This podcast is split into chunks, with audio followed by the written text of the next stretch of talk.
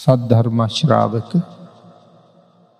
කාරුණික ගුණගරුක බෞද්ධ පින්නතුනේ බොහෝම ශ්‍රද්ධාවෙන් මෙ සැදහැවත් පිරිස සූදානන් වෙන්නේ ලොවතුරා ශාන්තිනායක සම්මා සම්බුදුරජාණන් වහන්සේ ලෝක සත්වයන් කෙරෙහි අනුකම්පාවින් අවබෝධ කරගෙන දේශනා කොට වදාළ පරම ගම්බීර වූ ශ්‍රී සද්ධර්මය මේ මොහොතේ ඉතා කුඩා කොටසක් නමුත් දේශනා කරවගෙන ධර්ම ගෞරවය පෙරදැරි කරගෙන දේශනාගත ධර්මය ශ්‍රවණය කරන්න. ඉතාම ශ්‍රද්ධාවෙන් ධර්මශ්‍රවණය කරන්න සූදානන් වෙන සැදහැවත් දායක පිරිස. මහත් වූ බලාපොරොත්තුවක් පෙරදැරි කරගෙනම ධර්මශ්‍රවනය කරනවන ඒක ඉතා වටින බව අපේ භාගිතුන් වහන්සේ අනීවරණ සූත්‍රයෙන් දේශනා කොට වදාළ. ඒ බලාපොරොත්තුව තමයි මේ ධර්ම දේශනාව ශ්‍රවණය කරන අතරතුරදීම මාගේ පංච නීවරණ ධර්මයන් යටපත් වේවා සප්ත බෝධ්‍යාංග ආදී ධර්මයන් වැඩී දියුණු වේවා මේ දේශනාව අතරතුරදීම මට උතුම් මාර්ගයක් පලයක් අවබෝධ වේවා කියෙන සිතින් යුක්තවම ධර්මශ්‍රවනය කරන්න කියන එක. ඒ බලාපොරොත්තුව ඇතුව ඒ ප්‍රාර්ථනාව මුදුන් පත් කර ගැනීම වෙනුවෙන්ම අපි ධර්මශ්‍රවනය කරන. පිනතුන මේ දවස්වල අපි සාකච්ඡා කරමින් හිටියේ මේ දේශනා මාලාව තුළ අංගුත්තර නිකායේ චතුක්ක නිපාතයේ සඳහන් වන අචින්තෙය කියන සූත්‍ර දේශනාව. මේ සූත්‍ර දේශනාව මුල් කරගන ධර්මදේශනා දෙකක් මීට කලින් සිදු කරන්න යෙදුණ. අචින්තෙය සූත්‍රය පාදක කරගෙන සිදු කරන තුන්වෙනි ධර්මදේශනාව තමයි අද සිදු කරන්න බලාපොරොත්තු වෙන්නේ. අපේ බුදුරජාණන් වහන්සේ මේ සූත්‍රය දේශනා කොට වදාලි මොනවාගේ කාරණාවක් විස්තර කරමින්ද කියන එක මුලින් අපි පැහැදිලි කරලා තියෙනවා.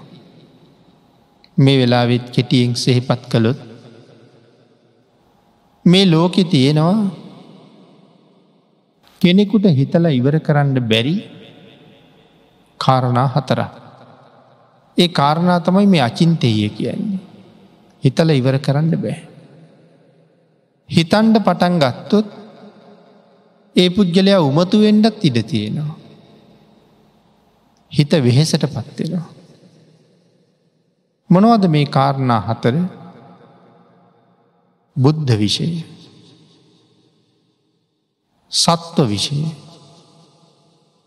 ලෝක විෂය සහ දිහාන විෂය. මේ විෂයන් හතර හිතල ඉවර කරන්න බෑ කියල සඳහන් කරන. ඒ කරුණු ටික තමයි මේ සාකච්ඡා කරමින් මේ දේශනාව ආරම්භ කරන්න යෙදනේ විශේෂයෙන් බුදුගුණ භාවනාව දියුණු කරන්න කැමති අයටත් මහත් වූ උපකාරයක් බවට පත් කරවන්නත් මේ සූත්‍රය හරි වටි. පිනතින අපි අවසානයට සාකච්ඡා කළේ මේ ධ්‍යාන විෂය කොහොමද කියන කාරණාව සම්බන්ධයෙන් කරුණු ටිකක් දෙවනි දේශනාව නිමා කරනකොට සාකච්ඡා කරමින් හිටිය. අපි එතන ඉඳල ධර්ම දේශනාව ආරම්භ කරමු. අපේ බෝසතාණන් වහන්සේලා සම්මා සම්බුද්ධත්වය වෙනුවෙන් පාරමිතා පුරණකොට විශේෂයෙන් සඳහන් කළා මේ පාරමිතාව අවසානය සම්පූර්ණ කරන්නේ අපරාජිත වූ පල්ලංකයක් මත. සම්මා සම්බුද්ධත්වය වෙනුවෙන් පාරමිතාපුරණව වගේම මේ පාරමිතාව මේ අපරාජිත වූ පල්ලංකේ වෙනුවෙනුයි කියලා. මෙතන පල්ලංකය කියල සඳහන් කළේ ආසනය. මොකක්ද මේ අපරාජිත වූ ආසනය ඒක තමයි සම්මා සම්බුද්ධත්වය ලබන්ඩ වැඩඉන්න ආසනය. ඒ ආසනය වෙනුවෙන් සමහර බෝසතාණන් වහන්සේ නමක් මහාකල්ප අසංක්‍ය හතරකුත් තවත් මහාකල්ප ලක්ෂයක් පාරමිතා පුරණ. තවත් සමහර බෝසතාණන් වහන්සේ නම මහාකල්ප අසංක්‍ය අටකුත් මහාකල්ප ලක්ෂයක් පාරමිතා පුරණු.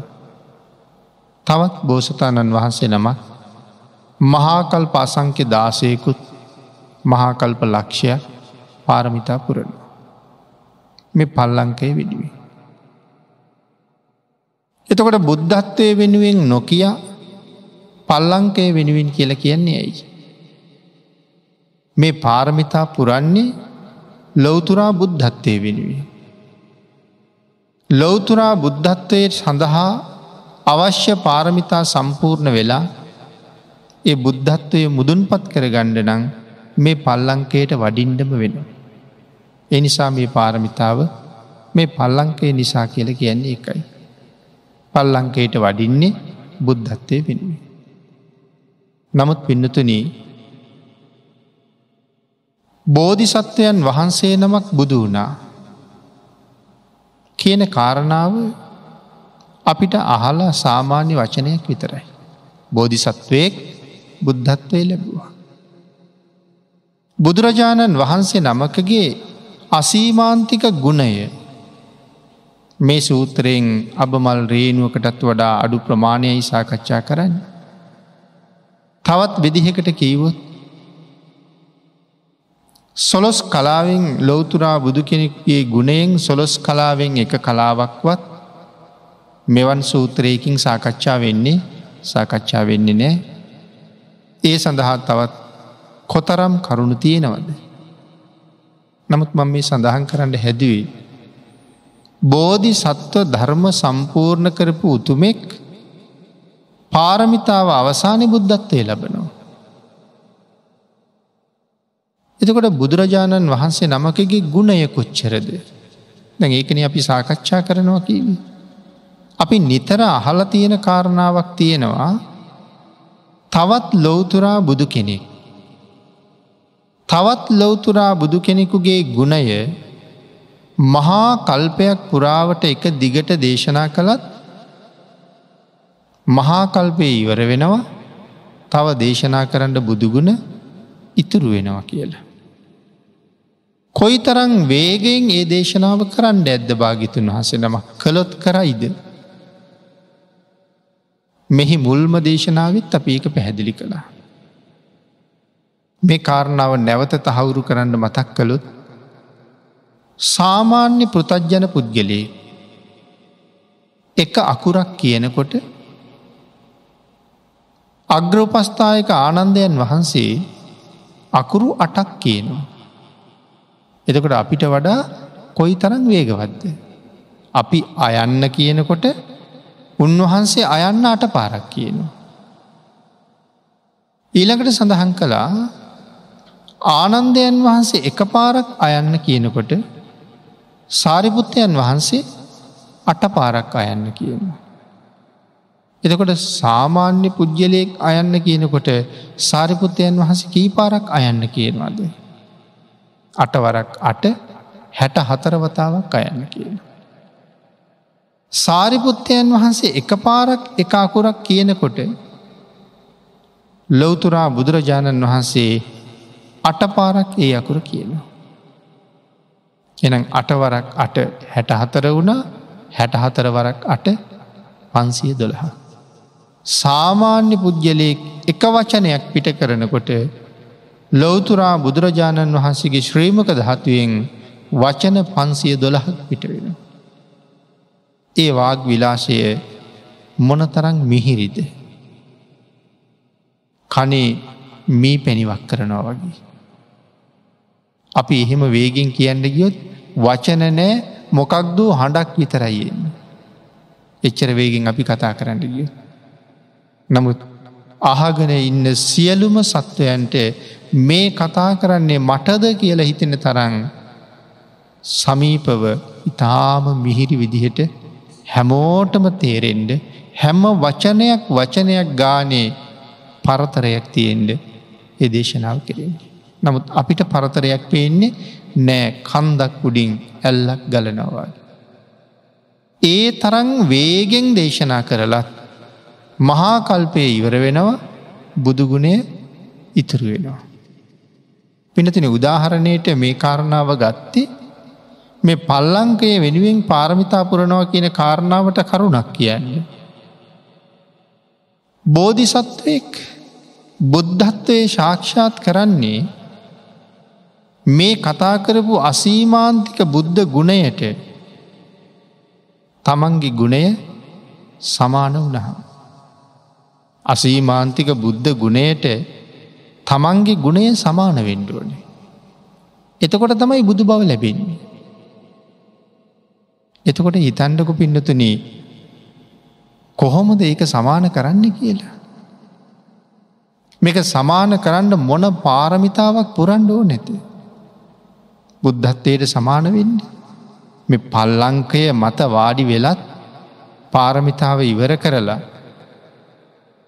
මෛත්‍රී කර්මස්ථානයට සමවැදිලා. ක්‍රමක්‍රමයෙන් ක්‍රමක්‍රමයෙන් ආනාපාන සතියට ඇවිල්ලා.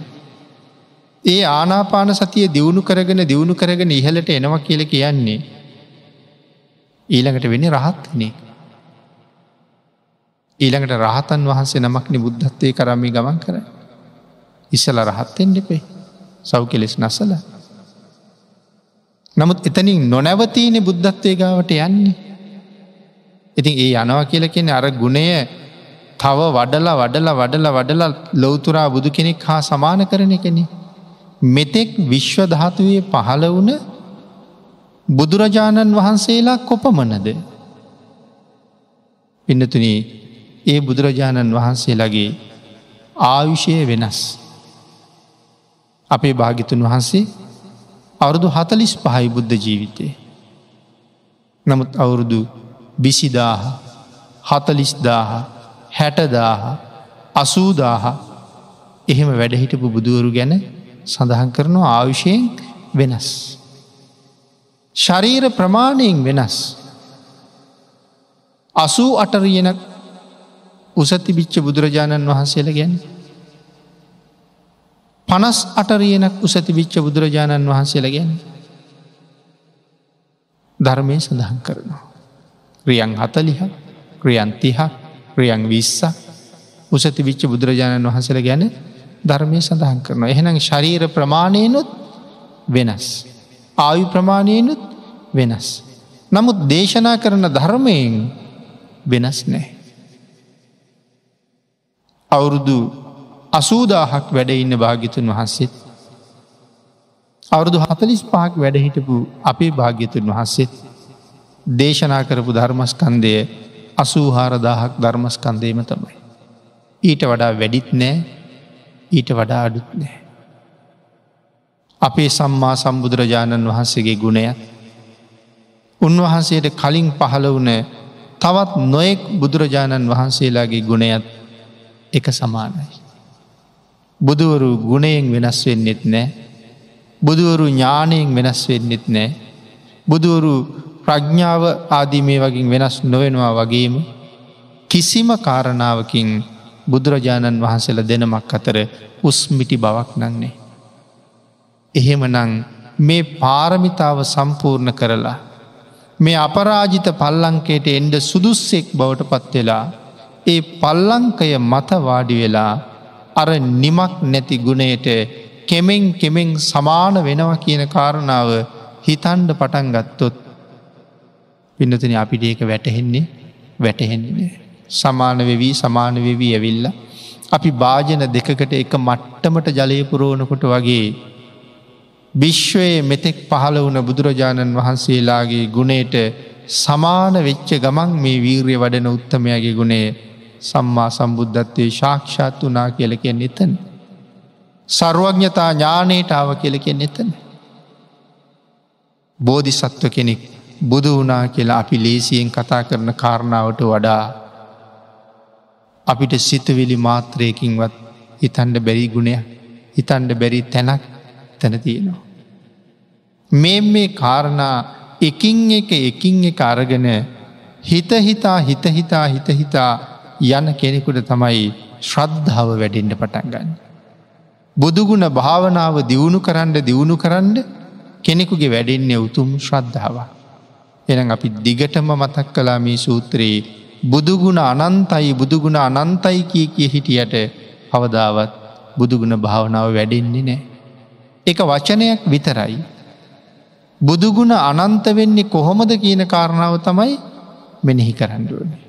එතකොට ඒ ඔස්සේ තමයි ගුණය වැඩෙන්ට පටන් ගන්න. නැත්තං මුළු ජීවිත කාලෙම බුදුගුණ අනන්තයි කිය කිය හිටියත් අපිට ලැබෙන ලොකු පලයක් නෑ. එමනං මෙතන සඳහන් කළේ මේ පාරමිතාව සම්පූර්ණ කරලා. මේ අපරාජිත පල්ලංකය මත වැඩඉන්නවා. වැඩයින්ට පුළුවන් වෙන්නෙත් පාරමිතාව ඉවර කරපු බෝධිසත්වයකුට. සමහර බෝසතාණන් වහන්සේලා මහාකල්ප අසංක්‍ය හතරයි ලක්ෂය එකක් කියල සඳහන් කළා.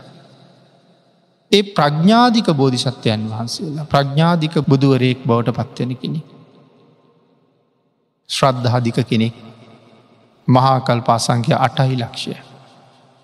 වීර්ය අධික කෙනෙක් මහාකල් පාසංක්‍ය දාසයයි ලක්ෂය. පිනතින බුදුවරු ගුණයෙන් සමානයි. නමුත් පාරමිතාපුරණ කාලි දැන් නියත විවරණය අරගත්තට පස්සේ මහාකල්ප අසංක්‍ය දාසයකුත් ලක්ෂයක් සම්පූර්ණ කරන්න ඕන වීර්යාධික බෝසතාණන් වහන්සේ නමත් මේ පල්ලංකයට සුදු සෙක්වෙන්ඩ. එතකොට මේ වීර්යාධික බෝසතාණන් වහන්සේ දන්නව නං මම මහාකල්ප අසංක්‍ය දාසයයි ලක්ෂ එකකින් සම්පූර්ණ කරන දේ. ප්‍රඥ්ඥාධික බෝසතාණන් වහන්සේ මහාකල්ප අසංක්‍ය හතරින් කොහොමද කරන්නේ. සඳහන් කරනවා උන්වහන්සේට ඒක බෝධිසත්ව කාලෙ වැටහුණා නං උන්වහන්සේක මහාකල්ප අසංක්‍ය හතරෙන් කරනවා. ගොද වීර්ය ඉහලයි. එහනම් වීරය අධික බෝසතාණන් වහන්සේ නමකට වත් පින්නතින වැටහෙන්නේ නෑ ප්‍රඥා අධික බෝසතාණන් වහන්සේ නමක් මේ වැඩේ කරන්නේ කොහොමද කියලා. ඒක එච්චර ඉක්මනින් මහාකල්පාසංක්‍ය දාසයයි ලක්ෂයකින් කරන්න ඕන දේ මහාකල්පාසංක්‍ය හතරයි ලක්ෂයකින් කරන්න. නමුත් බුද්ධත්වය ලැබුවට පස්සේ ගුණේ වෙනසක් ඥානය වෙනසක් නෑ. කියන කාරණාවයි මේ සිහිපත් කරලතිය. ඉළඟට සඳහන් කරන පින්නතන මේ ලෝකයේ තියෙන ආසනවලින් අති උතුම් මාසනය තමයි වජ්්‍යරාසනය. ඊට වඩා උසස් ශාසනයක් නෑ. තවතිසාවි තියෙන උතුම් ආසනය තමයි පාණ්ඩුකම්බල සෛලාශනය. ඊට වඩා උතුම් ආසනයක් තවතිසාවේ තවතිසාවිනෑ. එතකොට තවතිසාවට එහා යාමදිව්‍ය ලෝකයට ගිය හම සුනිර්මිත නැතන් යාමදිවිය ලෝකයේ රජ්ජුරුවෝ සුයාම රජ්ජුරුව වැඩඉන්න ආසනය තමයි ඒ දිවිය ලෝකෙ තියෙන උසස්මාසනය. එතනින් එහාට ඊළඟ දිව්‍ය තලයට ගියහම් තුසිත සන්තුසිත දිවිරාජය වැඩඉන්න ආසනය තමයි ඊළඟ උසස්මාසනය. ඒ දිව්‍ය තලවලින් ඊළඟට බ්‍රහ්ම තලවලත් එහෙමයි නමුත් ඒ සියලු මාසනවලට වඩා ලෝකෙ තියෙන උසස් මාසනයට කියන්නේ වජ්‍රාසනය කියලා. මේ ආසනයේ පැනනගින්නේ මහාපුුණ්‍යවන්තයෙක් ඒ ආසනය මත වැඩයින්ඩ අවශ්‍ය පාරමිතාව පූරණය කරලා ඉවර වුණහම්. දැන් ආසනයට ගොඩවෙන්ඩ කාලය හරි කියල කියනකොට තමයි මේ ආසනී පැනනගින්නේ. එකට කැන වජ්්‍රාසනය කියලා. මොනවටද වජ්්‍යර කියල කියන්නේ. වජ්්‍ර කියල කියන්නේ දිය මන්තිවලට. ලෝකයේ තියෙන විශිෂ්ටතම මානික්කයෙන් තමයි මේ ආසනය සැකසෙන්නේ. දියමන්ති කියලකේ හම දියමන්තිවලත් ප්‍රබේද ඇති. මැනික් කියල කියහම මැනික්වලත් ප්‍රබේද තියෙනවා රත්තරං කියල කියහම රත්තරං වලත් ප්‍රබේද තියෙනවා. මෙතන දියමන්ති කියල කියහම සාමාන්‍යයෙන් අපි ලෝකෙ දකින දියමන්තියකට වඩා අති උසස් වූ මානික්‍යයක් ගැනයි මේ කියයි. එවන් ආසනයක් පල්ලංකයක් මත වැඩ ඉඳල තමයි මේ සම්මා සම්බුද්ධත්වය ශාක්ෂාත් කරන්න. පින්නතුන අන්න ඒ නිසා තමයි ලොවතුරා බුද්ධත්වය ලබලත් තවත් දින කීපයක් භාගිතුන් වහන්සේ ඒ සුවය බුක්ති විඳවිඳ ඒ ආසනයටම වෙලා වැඩඉන්න. ඒැන ඒ ආසනයෙන් නැගිටින්ට භාගිතුන් වහන්සේට ලෝභකමක් තියෙනවාද. ඒ ආසනය උඩ තවතවත් වැඩයින්ට භාගිතුන් වහසට තන්හාාවක් තියෙනවද. එහෙම දෙයක් නෑ. උන්වහන්සේ බුද්ධත්වයෙන් පස්සේ මේ ආසනය උඩ වැඩඉඳගෙන මෙනෙහි කරන්නේ මේ ආසනයේ මත වාඩිවෙන්ඩ මේ සංසාරයේ මම කොච්චර දේවල් කලාද. මොන තරං කැපකිරීම් කලාද. ජීවිතයේ කොයි තරං දුන්නද. මාන්සය මොන තරං දුන්නද.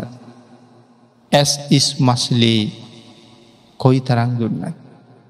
අහසෙත් තරුවලට වඩා ඇස් දන් දුන්න කියල කිය හම පිනතින උපමාවක් නැතිහින්ද තමයි අහසි තරුගත්තේ වෙන කරන්න උපමාවක් නෑ. නමුත් දේශනා කළේ තරුහා සමානව ඇස් දන් දුන්න කියල නෙමෙයි තරුවලට වැඩී ඇස් දන් දුන්න කියලා. මහා සාගර ජලයට වඩා ලේ දන් දුන්න කියලකිවේ. මහපෘතුවී පසට වඩා මස් දුන්න කියලකිවේ. දරුවෝ දන් දෙනෙකොට බිරිඳ දන් දෙනෙකොට රාජ්‍ය දන් දෙනෙකොට පිනතින පෘතජ්ජන මට්ටමේ ඉඳගෙන මහපොළොව කම්පාවෙන්ඩ දන්දෙන්ට කෙනෙකුට පුළුවන් වෙයි.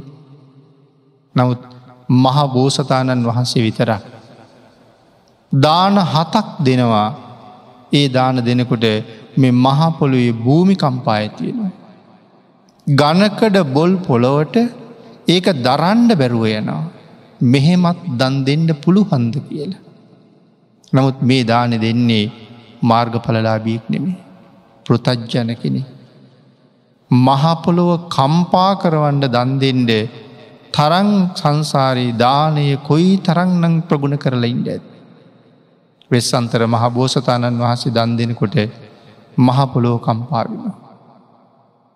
ඉතින් මං මේ ආසනයට ගොඩවෙන්ඩ කොයි වගේ දේවල්ද කළේ කියන කාරණාවයි මේ ප්‍රීතියෙන් මෙනෙහි කරන්නේ තමන් ඒ කරපු කැපකිරීමේ ප්‍රතිඵලය මම් බුක්ති විඳලා ඉන්න ප්‍රතිඵලය නෙලාගෙන ඉවරයි කියන ප්‍රීතියයි භාගිතුන් වහස මේ ආසනී මතට වෙලා බුක්ති විඳන්නේ. තෙන්ට එන්ඩ කොහොම කටයුතු කලාද කියන එක අපිට තේරෙන්නේ කියන එකයි මම මේ සඳහන් කළේ බුද්ධ විෂය තේරුම් ගණ්ඩ අපිට කොහොමත් බෑ. ඊළඟට පින්නතුනී විශේෂයෙන් සඳහන් කරනවා බෝසතාණන් වහන්සේ නමක් සම්මා සම්බුද්ධත්වය ලබල. ඒ ආසනෙන් පස්සෙ නැගිටිනවා ප්‍රීතිය බුක්ති විදලා. ඒ නැගිටලත් මදක් උතුරු දෙසටත් නැගෙනහිර දෙසටත් අතර තැනක නැවත නතර වෙලා ආය මේ ආසනී දිහා බලාගෙන ඉන්නවා. ආසනී දිහත් බුද්ධත්වය ලබන්ඩ සෙවන ලබල දුන්න විජයශ්‍රී ජෑශ්‍රී මහා බෝධිරාජාණන් වහන්සේ දිහත් දවස් හතක් ඇහිපිය නොහෙලාම බලාගෙන ඉන්නවා මේ ආසනය මතට ගොඩවෙඩ කරපුදී. මේ බෝධීන් වහන්සේගේ හෙවනට එන්ඩ කරපුදී.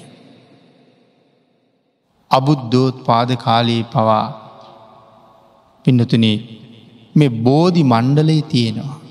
අබුද්ධෝත් පාද කාලෙත් බෝධි මණ්ඩලේ තියෙනවා. සඳහන් කරනවා අබුද්ධෝත් පාද කාලයකත්. බේ බෝධි මණ්ඩලයට උඩින් කුරුල්ලෙක්වත් පියාසර කරන්නේ කියලා. නොයෙක් ජාතක කතාවල් වල මේ සඳහා කරුණු බොහොම පැහැදිලි කරනවා. එක සක්පිති රජ කෙනෙක් අහසිං යනවා තමන්ගේ ඇත්්‍යයානය නැගල. නමුත් යම් තැනකට එනකොට ඇතා එතනින් එහට යන්නේ නෑ. ඇතා එතනින් එහාට ගමන් කරවන්න බොහෝසේ උත්සාහ කළා. නමුත් අන්තිමට ප්‍රතිඵලයක් හැටියට ඇතා මැරිලා එතනම වැටුණ. පුරෝහිත බ්‍රහ්මණයෝ කැඳවලා නැවත නැවත කාරණාවට උත්සාහ දරල විමසහම සඳහන් කළා මහරජතුමනී මෙහෙම නෙමෙයි වෙන මොනව කළත් ඒකන අවසානය මැරිල වැටුණි. මෙතනින් එහාට මේ භූමියයට උඩින් මේ සතා ගමන් කරන්න ඇකිය. හේතුව මොකක්ද කියල විමසහම සඳහන් කළේ මහබෝසත්වරු පාරමිතාව අවසාන කරලා ලෝතුරා බුද්ධත්වය ශාක්ෂාත් කරන්න මෙතෙන්ට යෙන්නේ. ලෝතුරා බුද්ධත්වය ලබන්ඩ උන්වහන්සේට සෙවන ලබල දෙන විජයාශ්‍රී ජයශ්‍රී මහා බෝධිරාජයණන් වහන්සේ එදාට පහළවෙන්නේ මෙතන. එනිසා මෙතනට කියන්නේ මහ බෝධි මණ්ඩලය කියල. ඇතෙක් තබා කුරුල්ලෙක්වත් මෙතෙන්ට ඉහෙලින් යන්නේ. රජ්ජුරුව බැහැල වටපිටාව පරීක්ෂා කරහම වටේට වැවිල තියෙන හැම ගහක්ම බෝධි මණ්ඩලේ දිහාට නැමිලා මල් පල දරාගෙන ඉන්නවා වගේ පේෙන්. නිසා රජුත් වන්දනා කරලා ගරු කරලා එතනින් පිටත්වෙන්නේ. එනම් බුද්ධත්වයට පාරමිතාපුරපු උත්තමී දෙව්ලොවින් නික්මිලා මාතෘූ ගර්භයට ඇවිල්ලා. මාතෘූ ගර්භයෙන් නැවත මෙලව උපදිනකොට. උන්වහන්සේ වෙනුවෙන් පැනනගෙන බෝධිරුක්ෂයත් මේ බෝධි මණ්ඩලේ උපත්තිය ලබන. බෝසතාණන් වහන්සේ නමක් උපදිනකොට. එදා දවසේ ඇතිවෙන තවත් විශේෂ නිමිති කාරණා ප්‍රාශයක් තියෙනවා. ඒ අතර ඒ බෝසතාණන් වහන්සේ බුද්ධත්වයට කලින් විවාහ කරගන්න කාන්තාව සසර පාරමිතාපුරපු මහ පින් ඇති උත්තමාවියක් එදාම තමයි උපදින්. අපේ බෝසතාණන් වහන්සේ වෙනුවෙන් යසෝදරා දේවින් වහන්සේ ඉපදුනෙත් එදාමයි. චන්න අමාත්‍යයා උපදින්නෙත් එදාමයි. කන්ත කාශ්වයා උපදින්නෙත් එදාමයි. කාළුදා ඇමති ඉපදින්නෙත් එදාමයි. සතර මහා නිධාන පහළ වෙනවා. මේ අදී කාරණා සම්පූර්ණ වෙනකොට මංගල හස්තියත් එදාම උපදිනවා. මේ සියලු දේවල් තැන තැන එක එක්කෙනා දැක්කා නමුත් කවුරුවත් නොදැක ගයාවේ වැලිතලාවේ ශ්‍රී මහා බෝධිශාකාවත් මහපෘතුවියෙන් මතුවනේ බෝසතාණන් වහසේ ඉපදිච්ච දවසමයි. සහජාත වස්තු කියලා මෙවනම් කරලතියෙන්. එනගේ බෝධි මණ්ඩලේ භාගිතුන් වහස වෙනුවෙන්ම පැනනැංග බෝධීන් වහන්සේ දිහයි මෙ හත් දවසක් ඇහිපිය නොහෙලා බලාගෙන ඉන්නේ මෙලව ඉපදිච්ච දවස මේ බෝධීන් වහන්සේ මේ බෝධි මණ්ඩලින් පැනනැන්ගේ ඒ බෝධීන් වහන්සේගේ සෙවනට එන්ඩ සුදුස්සෙක් බවට මා පත් වුණ නිසානේද කියන මහ ප්‍රීතිමත් හැඟීමෙන් තමයි ඒ ඇහිපිය නොහෙලා බලාගෙනන්න. අපි එකට කියනවා අනිමිස්ස ලෝචන පූජාව කියලා. එක භාගිතුන් වහන්සේ බෝධීන් වහන්සට කරන පූජාව. එක භාගිතුන් වහසේ මුළු ලෝකයට පෘතගුණ සැලකීම පිළිබඳව කියල දෙන කාරණාව. එමනං සම්මා සම්බුද්ධත්වයේ ශාක්ෂාත් කරන උත්තමයකුට මේ විශ්ව ධාතුව මොනතරං සලකනවද කියන කාරණාවත් මෙතනින් මනාව පැහැදිලි කරනවා. ඊළඟට පින්නතුන මේ කාරණාවන්ගෙන් අපිට පේනවා මේ සමාධි සම්පත්තීන්ට සමවැදීම නැතන් සමාධීට සමවැදීම කියන කාරණාව. ඒ කාරණාවත් කොහොමද කියන කරුණ සෙහිපත් කරනවා එක දිගට යම් වස්තුවක් දිහා ඇහි පිය හෙලන්නම නැතුව රෑ දවල් දෙකේම දවස් හතක් බලාගෙන ඉන්නවා කියන කාරණාව සාමාන්‍ය කෙනෙකුට හිතන්ඩවත් බැරි දෙයක්. ඊළඟට පිනතුන මේ සරුවඥතා ඥානය හා අනාවරණ ඥානයට සමවදින වෙලාවි සඳහන් කරනවා මේ ඥෙය පත පිළිබඳව කාරණාව ඥෙය පතේ එක දක්වලා තියෙනවා මේ ඥෙය පත විශේෂයෙන් පැහැදිලි කරනවා තියෙන නිසා තමයි සබ්බඥු කියල කියන්න. එමනතැන් සර්වඥ කියල කියන්න. ඒ මොකක්ද කියන කාරණාව අපි ටිකක් සාකච්ඡා කරමු විශේෂයෙන් සඳහන් කරනවා ඥෙය පත පහක් පිළිබඳ. එතන සිහිපත් කරනවා ඕනෑම දෙයක් හිතන පමාවට වැටහෙනවා. හිතන පමාවට වැටහෙනවා කෙලගීවී. මෙය කොහොමද කොහොමද වෙන්නේ සිතුවිලි මාත්‍රයක් විතරයි ඒ කාරණාව මනාව වැටහෙනවා. අපි සමහර දෙයක් පිළිබඳව කොච්චර හිතුවත් අපට වැටහෙන්නේ. වටහා ගණ්ඩ සෑහෙන්ඩ කල්පනා කරනවා කොච්චර කල්පනා කළත් අපට වැටහෙන්නේ. යමක් හිත හිතා යනකොට අපිට වැටහෙනවා. නමුත් අපිට වැටහෙනවා වගේ දෙයක් ගැන නෙමෙයි මෙතන සඳහන් කරන්නේ. සාමාන්‍ය පුද්ගලයට විෂය නොවෙන දේවල් පවා. සිතුවිලි මාත්‍රයෙන් වැටහෙනවා කියන කාරණාව. ඊළඟට පිඳතින සඳහන් කළා ඒ හැකියාව පසේ බුදුරජාණන් වහන්සේ නමකටවත් නෑ කියලා. බුදුරජාණන් වහන්සේට මේ තියෙන හැකියාව පසේ බුදුරජාණන් වහන්සේ නමකට නං නෑ කියල කියන්නේ. තියෙනවනං තවත් ලොවතුරා බුදුරජාණන් වහන්සේ නමකට විතර මයි කියන කාරණාවයි එතන තහවුරු කරන්න. පිනතන දීගනිකායේ සඳහන් කරනවා බුදුරජාණන් වහන්සේගේ මහාපුරුෂ ලක්ෂණ තිස් දෙකක් පිළිබඳව තොරතුරු. ලොවතුරා බුදුරජාණන් වහන්සේට පිහිටන මහාපුරුෂ ලක්ෂණ තිස් දෙකක් තියෙනවා. හැබැයි මේ ලක්ෂණ තිස් දෙක බුදුරජාණන් වහන්සේ නමකට විතරක්මන මෙයි පිහිටන්නේ. බුද්ධත්වය නොලබපු මහාපුරුෂ ලක්ෂණ තිස් දෙකම තිබුණ තවත් අය පිළිබඳව ධර්මය සඳහන් කරන. හැබැයි ඒ වෙනුවෙන් සංසාරි මහ පාරමිතා පුරල තියෙන. මහාපුරුෂ ලක්ෂණ තිස් දෙකම තිබුණ මහරහතන් වහසල දෙන්නෙක් අපේ ශාසනය ඉන්නවා. දැන් අපි අහල තියෙනවා මහා කාශ්‍යප මහරහතන් වහන්සේට හුඟක් අය රැවටුනා බුදුරජාණන් වහන්සේ කියලා. පිනතරි මට හිතෙනවා අපට මේ ශාසනයේ ඉතා පහසුවෙන්නම් තේරුම් ගණ්ඩ බෑ කියලා. මොකද මහාකාශ්‍යප මහරහතන් වහන්සේට මහාපුරුෂ ලක්ෂණ තිස් දෙකම තිබුණ නෑ. නමුත් සාමාන්‍ය මිනිස්සු බුදුරජාණන් වහන්සේ දැකලම නැත්තං මහාකාශප මහරහතන් වහන්සේ දැකලා ඒ බුදුරජාණන් වහන්සේද කියලා රැවටුණ.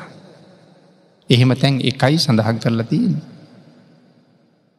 එහෙමනම් මහාපුරුෂ ලක්ෂණ තිස් දෙකම තිබිච්ච රාහුල මහරහතන් වහසේ දැක්කහම රැවටෙන් නැත්තෙ කවුද. ගොද භාගිතුන් වහන්සේගේම සිද්ධාර්ථ බෝසතාණන් වහන්සේ ගේම පුතා තාත්තගේ ලක්ෂණ පුතාට කොහොමත් සෑහෙන ප්‍රමාණයක් පිහිටන. බුදුරජාණන් වහන්සේ ගේම මල්ලි නන්දකුමාරය. මහාපුරුෂ ලක්ෂණ තිස් දෙකම තියෙන. සාමාන්‍ය මිනිස්සු නෙමෙයි හාමුදුරුවරුත් රැවටුණා. නන්ද හාමුදුරුවන්. එක දවසක් නන්ද හාමුදුරුව ඈතින් වඩිනා මේ මහෞත්තමයන් වහන්සේ. හාමුදුරු රැවටුනා භාගිතුන් හසි වඩිනවා කිය. සියලු දෙනාම ආසනවලින් නැගිට්ටා ළඟට වැඩියහම තමයි දන්නේ මේ නන්ද මහරහතන් වහස කියලා. උන්වහසට චෝදනත් කළා. බුදුරජාණන් වහන්සේගේ සුගත චීවරයට සමාන චීවරයක් දරන්ඩ පාපි රැවටෙනවා කියලා. එහින්ද එකට ශික්ෂාපදයකුත් පැනෙවවා. භාගිතුන් වහන්සේට වඩා අඟල් හතරක් විතරයි මිටි. මහාපුරුෂ ලක්ෂණ තිස් දෙකකින් යුක්තයි ස්වර්ණවර්ණ උදේහයකින් යුක්තයි. එහනම් පිඩතුන හිතන්ඩකෝ බුදුරජාණන් වහන්සේ දැකලම නැතුව. අපි ජේතවනා රාමිට ගියානං ඉස්සර ලාම බුදුරජාණන් වහන්සේ දකිින්ඩ කියල හිතාගෙන. ඉස්සරහට නන්ද මහරහතන් වහන්සේ වැඩියුත් අපි ඒත් රැවටෙනවා. ඉස්සරහට රාහුල මහරහතන් වහස වැඩියත් අපි ඒත් රැවටෙනවා. බුදුරජාණන් වහස කියලා. එමන මේ ශාසනයේ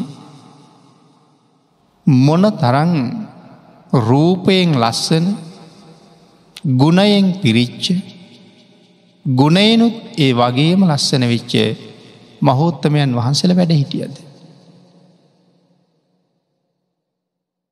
එවන් වූ ශාසනයක භාගිතුන් වහන්සේරත් මහාපුරුෂ ලක්ෂණ තිස් දෙකක් තියෙනවා. මේ එක ලක්ෂණයක් ලක්ෂණයක් ලබන්ඩ සංසාරය කොච්චරනම් පින් කරන්න ඇද්ද. එක ලක්ෂණයක් ගානය ලබන්ඩ. මේ කාලේ අපි දකි නෑන කාටවත් මහාපුරුෂ ලක්ෂණ තියෙන. එන ඒ තරම් පින්කරපු අය නෑ. බෝසතාණන් වහන්සේ ලෝකෙ පහළ වෙන කාලෙම තමයි මහා පුුණ්‍යවන්තයොත් පහළ වෙන්නේ. ඒකයි ඒ ලක්ෂණ දරාගෙනම පහළ වෙන්න. මේ කාලේ එහෙම පුුණ්‍යවන්තයෝ පහළ වෙන්නේ නෑ. පුුණ්‍යවන්තයන්ගෙන්ම පිරිච්ච කාලය. අමිත බෝගී සිටුවරු මහා තෙරවරු අසූ මහාශ්‍රාවකයන් වහන්සේල සතර මහා තෙරවරු මේ පාරමිතාව සම්පූර්ණ කරපු මහ උත්තමය ඔක්කොම බොස්ථාණන් වහන්සේත් එකයි අවදී ඒ අවදී පහළ වෙන්න. එහෙමනම් මේ එක ලක්ෂණයක් ලක්ෂණයක් ගාන ඒ ලක්ෂණය ලබන්ට කොච්චර පින් කරන්න ඇද්ද කිය ලැපි සඳහන් කළේ. කටත්තා උපචිතත්තා උත්සන්නත්තා විපුලත්තා. එක ලක්ෂණයක් ලබන්ඩ මෙහෙම පින් කලා කියල කියන්නේ. කටත්තා පින් කරන්ඩ ඕනෑ එකයි කටත්තා කිවේ. උපචිතත්තා නැවත නැවත කරන්න ඕනේ. එක පින්කමක් එක පාරක් කලා කියලා සෑහිල මති. නැවත නැවත කරලා තියෙනවා. උත්සන්නත්තා එතකොට තමයි ඒක ඉස්සිලා පේන. අපි මෙහෙම හිතන්නකු. වැලි සහිත පොළොවකට අපි ජිල් බෝලයක් දානවා. වැලිත් එක්ක ජිල්බෝලි පේෙන් නැතුව යනවා. අපි එතෙන්ට ජිල්බෝල හතරක් පහක් හයක් හතක් දානවා. දැන් ටිකක් එතන ජිල්බෝල තියෙනවාගේ පේනවා.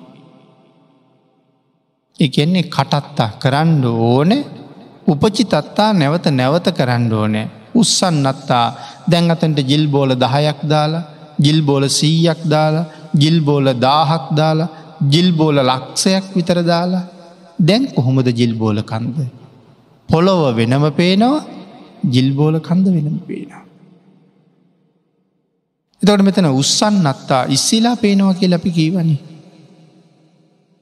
එතකොට තැනක ජිල්බෝල්ල තැනක බොරලු කැට තැනක තවත් වීදුරු බෝල්ල. දැන් නොයෙක් එව්වා මේ වැලි පොළොවේ තැන්තැන්ගොල තැන්තැන්ගොල හැම්මත් තැනම ගොඩ ගහලා. එකන්නේ විවිධ විවිධ පින්කං විවිධ විවිධ ආකාරයෙන් එකම දේ වැඩි වාර්ගානක් කරලා. දැඟිතුර කොච්චර පින් කලාද. අපි කඳුකර ප්‍රදේශයකට ගිහිල්ලා ඈත බලනවා. ඇත බලහම අපිට කඳු යායක් පේනවා. මෙතන ළඟම කන්දක් පේනවා. ඒකට ටිකක් වම් පැත්තෙන් කන්දක් පේනවා. ඒකට ටිකක් දකුණු පැත්තෙන් තව කන්දක් පේනවා. ඒ කඳු දෙකට අතරින් ඈතින් තව කන්දක් පේනවා. මේ පැත්තෙන් දකුණු පැත්තිනුත් අය කන්දක් පේනවා. මේ මුදුනේ ඉඳලා හාත් පස වටේට හැරිහැරී බලනකොට මේවාගේ කඳු පන්තියක් කඳු පන්තියක් පේනවා. එතකොට දැන් අර උත්සන්නත්තා. බෝසතාණන් වහන්සේ පාරමිතාපුරණ කාලයේ දාන පාරමිතාව සීල පාරමිතාව නයිෂ්ක්‍රම්්‍ය පාරමිතාව මේ ආදි වශයෙන් මේ දස පාරමිතා දස උපපාරමිතා දස පරමත්ත පාරමිතා වශයෙන් ආකාර තිහකින් සම්පූර්ණ කරලා සම්පූර්ණ කරලා සම්පූර්ණ කරලා දැන් එව්ව පේන්නේ කොහොමද. මනසින් අරමුණු කරලා තියෙනවා තමන් කරපු පින්කංටික දැන් කඳු යායක් පේනවාගේ පේනවා. ඇයි එකම පින්කම වැඩි වාරගානක් කරලා උත්සන්නත්තා. බිපුලත්තා. හාත් පස මේක පේනකොට තියන්නේ පුදුම සතුට. අපි කරපු පින්කං ගැන මතක් කර කර මතක් කර කර. විවේකීව නින්දට ගිහිල්ල හරි ඇස් දෙක පියාගෙන අරමුණු කරනවා දාන කීයක් දීලතියනවද. සඟ සතුමය වශයෙන් කොච්චර දුන්නද. පෞද්ගලික වශයෙන් කොච්චර දුන්නද. වියලි සලාක වශයෙන් කොච්චර දුන්නද. අවෂධදාන කොච්චර දුන්නද. ආරාම පූජා කොච්චර කරාද. වෙහෙර විහාර කොච්චර හැදුවද. අපිට කරන්න තියෙන මේ පින්කා. විශේෂයෙන් භාගිතුන් වහසේ සම්පූර්ණ කරගන්න කියල දේශනා කළා දසදාන වස්තුවා. දැන් එක පාරක් දසදාන වස්තුව දන්දීල නෙමෙයි දෙපාරක් තුම් පාරක් හත්තර දහදොළොස් වතාවක් තිස් හතලිස් වතාවක් කරලා පින්කම. දැ මෙනෙහි කරනකොට කඳු ගැට කඳු ගැට වගේ කරපු පින්කම ඉස්සිලා ඉස්සිලා පේනවා. ආං එහෙම පින් කරලා පින් කරලා පින් කරලා තමයි. මේ මේ පුරුෂ ලක්ෂණ ලබලතිීම. ඉතා දීප්තිමත් ඇස් ලැබවා. සංසාරි කොච්චර ඇස් සුවපත් වෙන බෙහෙත් දන්දිෙන්ට ඇද්ද. බෙහෙත් විතරක් දන් දුන්නද. ඇස් සුවපත්වෙන්ට බෙහෙතුත් දෙනවා. ඇස් සුවපත් කරන ඇස්වල පෙනුම වැඩි කරන ආහාරත් දන් දෙෙන දන් දෙෙනකට එව්වත් හොයල දෙනවා. මේ ආහාර ඇස්වලට හොඳයි. මේ ආහාර දත්වලට හොඳයි. මේ ආහාර හරදවස්තුවට හොඳයි. මේ ආහාර වකුගඩු පිරිසිදු කරන්න හොඳයි. මේ ආහාර මාංශපේශි වැඩෙන්ඩ හොඳයි. මේ ආකාර වශයෙන් රෝගයට ගුණදායක ආහාර දෙන. ඒ වගේ ඇස්වලට ගුණදායක ආහාර බෙහෙතුත් දෙනවා ආහාරත් දෙනවා. තවත් නොයෙක් දේව. එහෙම කරලා කරලා තමයි ඒවාගේ දීප්තිමත් ඇස් ලබලතියෙන්. කේන්ති අරගෙන නෑ. තරහෙම් බලල නෑ. රවල බලල නෑ. එහෙමුණොත් ලස්සන ඇස් හම්බෙන්නේ. එතකොට හම්බෙන්නේ බොර පාට රතු පාට ඇස්. මූන ලස්සනත් නෑ කේන්තිගිය හම නහරවැල් එලියන එලියටෙනවා වගේ. දකිින්ඩ භයානකයේ මූුණ ප්‍රියජනක නෑ බියකරුයි අප්‍රියයි. නමුත් ජීවිතය වැඩියෙන් කේන්ති යන කෙනෙක් ඊළඟට ඉපදුනත් කේන්ති යන කෙනෙක් වෙලාම උපදිනවා. දුක් බින්දට පස්සේ. ප්‍රියජනක මූුණකුත් නෑ දීප්තිමත් ඇසුත් නෑ. එනම් මොන තරං ඉවසීම ප්‍රගුණ කරන්න ඇද්ද ඒවාගේ ලස්සන ඇස්ලබට. එකක් එකක් ගානි හිතන්ඩ ගත්ත හම බුදුරජාණන් වහන්සේ ගැන අසී මාන්තික ගෞරවයක් ඇතිවෙන. ඒකට තමයි කියන්නේ බුදු ගුණය චිත්ත සන්තානය තුළ වැඩෙනවා. බුදුගුණ අනන්තයි කියල කියන්නේ එහෙම මෙනෙහි කරන එකටයි.